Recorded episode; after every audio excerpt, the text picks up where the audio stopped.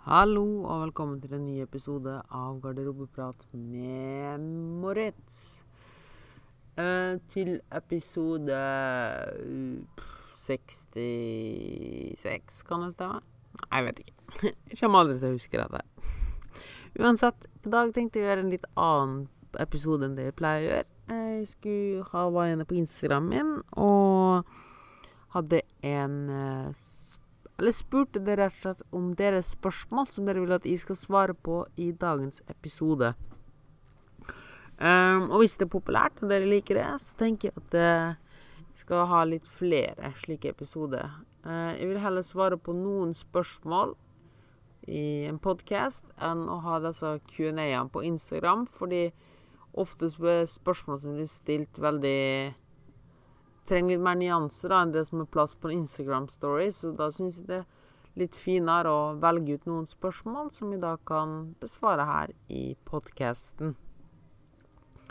Så hvis du har spørsmål som du kommer på etter du har hørt denne episoden, her, så kan du bare sende meg en mail på moritz.ptservice.no. Du kan sende meg en DM på Instagram, minimorimi, eller så kan du bare stille spørsmål neste gang det popper opp en spørreboks på Instagram-profilen min. Uansett, da tenker jeg fikk inn en god del spørsmål, og kommer til å hoppe inn rett som det er med en gang. Og det første spørsmålet er hvor viktig er oppvarmingssett, og hvorfor?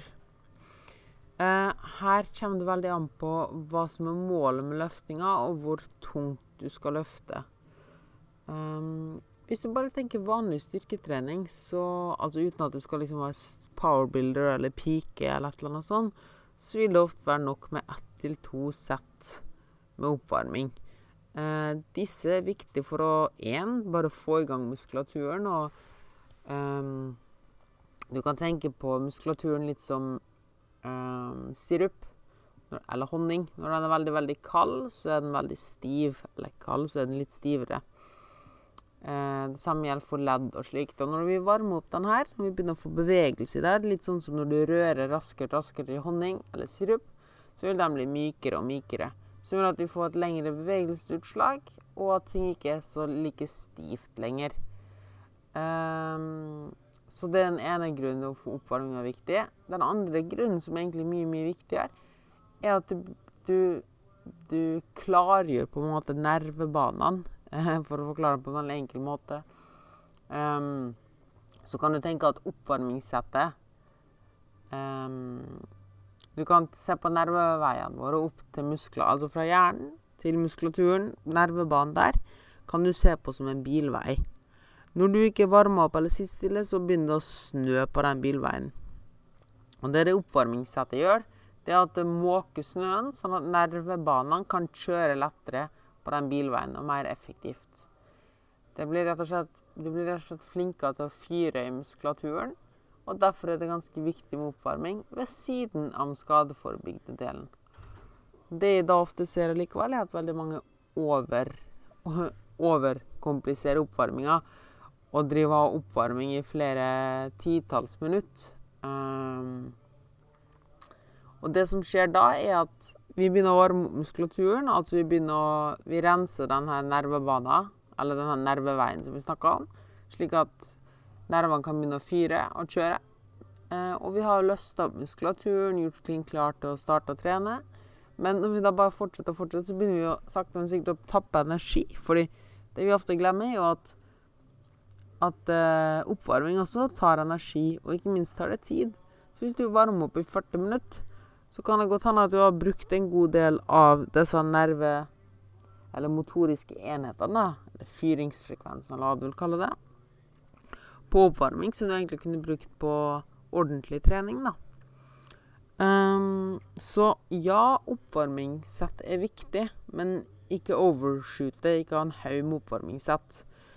Uh, spesielt når det kommer til styrketrening. Har du først varma opp brystet, så har du varma opp brystet. Du må liksom ikke varme opp brystet for benkpress, og så varme opp en gang til for skråbenk. Da vil du bare bruke opp masse energi på noe du ikke har behov for. Eh, kjør så enkelt og greit svar. Ta alt ettersom hvor tungt du løfter. Ta først ett veldig lett sett.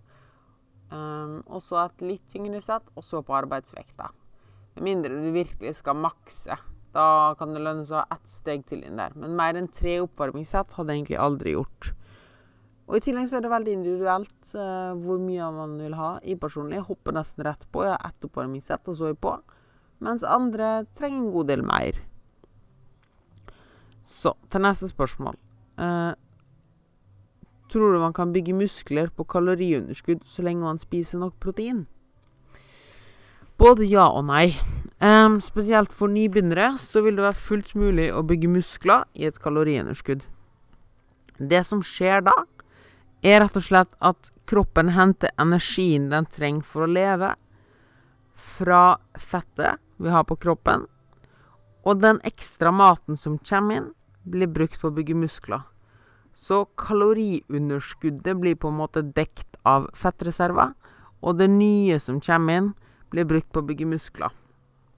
Men desto mer viderekommende du blir, desto vanskeligere er det å bygge muskler. Og desto mer optimalisert må man bli, da. Eh, ofte så er også viderekommende har mindre fettmasse på kroppen, så det er ikke like lett å tappe fett fra kroppen, så bruke det som energi. Eh, og da vil kroppen mye heller bruke energien fra maten vi spiser, til å holde oss i live, skulle jeg til å si. Eh, så det veldig mange ofte misforstår, er at de tror at fett kan bli gjort om til muskulatur. Det er ikke helt det som skjer. Det som skjer, er at fettet du har på kroppen, blir brukt til å gi kroppen den energien den trenger for å leve. Og så kommer den nye maten Den nye maten som kommer inn, blir brukt på å bygge muskler. Så lenge kaloriunderskuddet ikke er altfor stort, så vil det gå helt fint å bygge muskler sjøl i et lite kaloriunderskudd. Men hvis kaloriunderskuddet blir for stort, eller vi er veldig viderekomne eller har veldig lav fettprosent, så vil det være veldig vanskelig for kroppen å hente tilstrekkelig energi fra fettmassen på kroppen, og vil derfor heller bruke maten vi spiser, pluss litt fettmasse. Og da er det ingenting igjen til å bygge muskler. Og ja, det er viktig, og det er veldig viktig at du spør deg om så lenge man spiser nok protein. Ja, det anbefales at du spiser 1,5 til 2,5 gram protein per kilo kroppsvekt. Um, for å gjøre det veldig enkelt, da. Når du er i et kaloriunderskudd og driver med styrketrening, tung styrketrening, for å sende stimuli eller signal til kroppen at her må det vokses. Eh, problemet er at hvis du har for mye proteininntak, så vil det gå ut over inntak av karbohydrat f.eks. og sunt fett. Dette kan ha to negative effekter. Én, du får for lite sunt fett. Det er ganske negativt for hormon etc. Og blant annet også testosteron og progesteron som er med, og østrogen. Som alt er hormon som er med i muskelbyggingseffekten. Eller det å bygge muskler. Det andre er at det er veldig mange studier som viser at karbohydrat kan hjelpe mot en negativ, negativ proteinsyntese. En negativ proteinsyntese er når vi bryter ned muskulatur i stedet for å bygge opp muskulatur. Karbohydrat beskytter mot dette her. Fordi når vi spiser karbohydrat, så kan kroppen bruke disse karbohydratene som energi, i stedet for å bruke brytende muskulatur. Så ikke bare ha altfor mye fokus på protein, men pass også på at du får i deg tilstrekkelig med karbohydrat. Uh, jeg vil si at det går helt fint an å bygge muskler i et moderat kaloriunderskudd, med mindre du er ekstremt viderekommende. Så ja, det er fullt mulig å bygge muskler i et kaloriunderskudd for folk flest. Og ja, det er det viktig å passe på Så lenge du passer på at du får i deg tilstrekkelig med protein, og trener hardt styrke, og ikke har et altfor høyt kaloriunderskudd. Og en siste ting som er viktig å nevne her, er ikke minst søvn. Det er ekstremt mange studier som viser at når du er i et kaloriunderskudd og sover for lite, vil du bryte ned mye mer muskelmasse enn det du bryte ned fettmasse. Dette er nok, er nok veldig multifaktorelt, men de største bidragsyterne til dette er nok rett og slett at du uh, skiller ut mer av hormonet kortisol, et stresshormon som er, har en nedbrytende effekt på muskulatur. Um, og sannsynligvis vil det å sove lite også gjøre at du nervesystemet ditt ikke kan fyre ordentlig, så du klarer ikke å ta i like hardt på styrketrening, som resulterer i at du ikke får sendt eh, sterke nok signal om at, du, at kroppen må bygge muskler. Så enkelt og greit oppsummert eh, Ja, jeg tror man kan bygge muskler i et kaloriunderskudd, men det implementerer at du spiser nok protein, at du sover tilstrekkelig, og at du får nok karbohydrat og sunne fett, og ikke har et for høyt kaloriunderskudd. Jeg hadde ikke gjort, hatt mer enn 200-300 gram Nei, 200-300 kalorier i underskudd per dag. Um, og som sagt, tung styrketrening. Neste spørsmål er en sunn fettprosent for idrettsprestasjon. Det vil nok variere veldig hvilken idrett du driver med.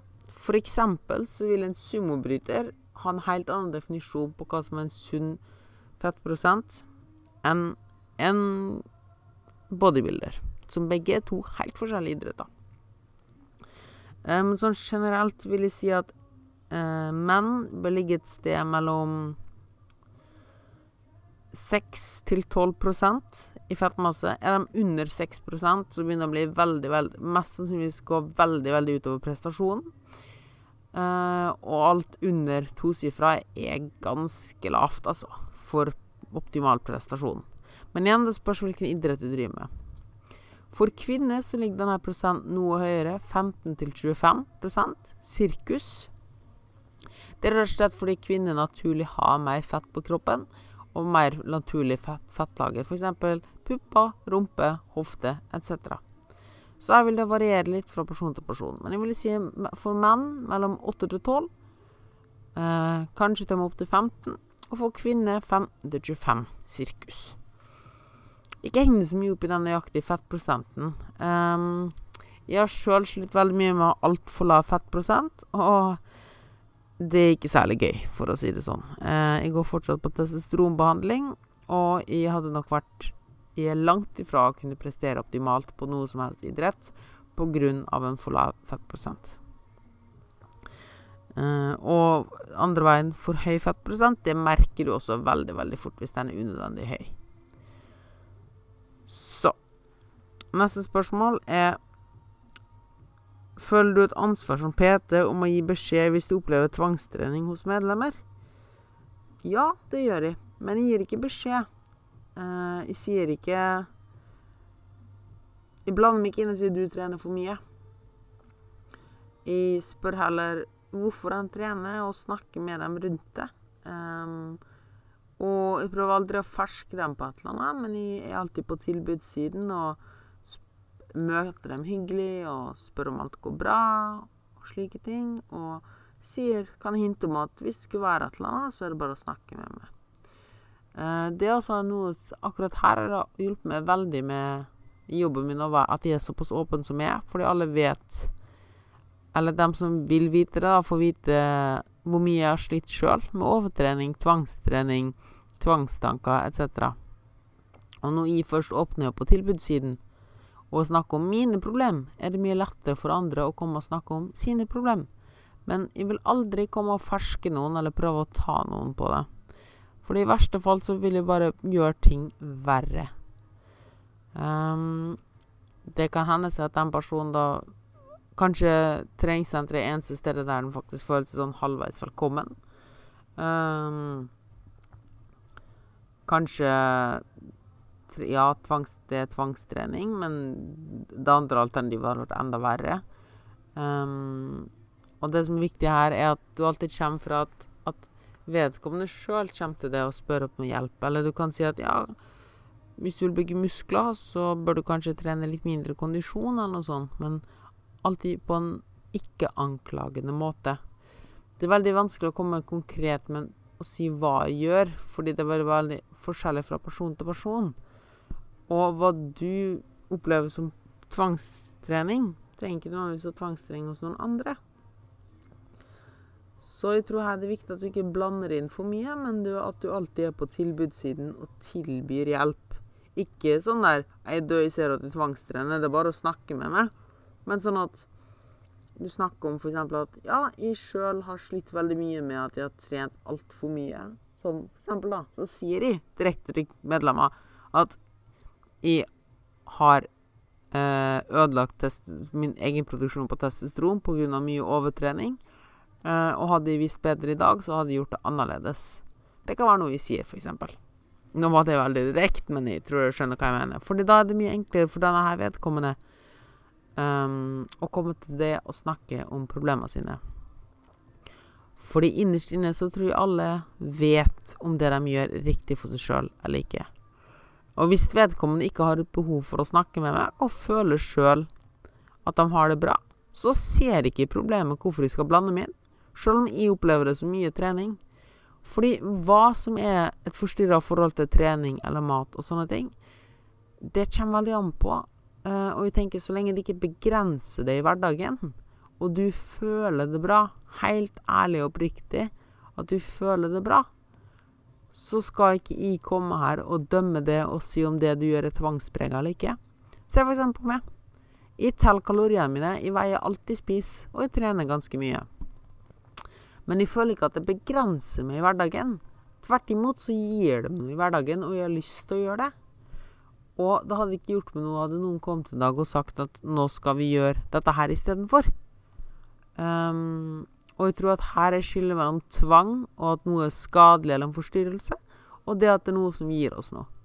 Hvis du føler at det begrenser deg og hindrer deg å gjøre det du egentlig vil, så er det et problem, og da bør du kanskje snakke med noen.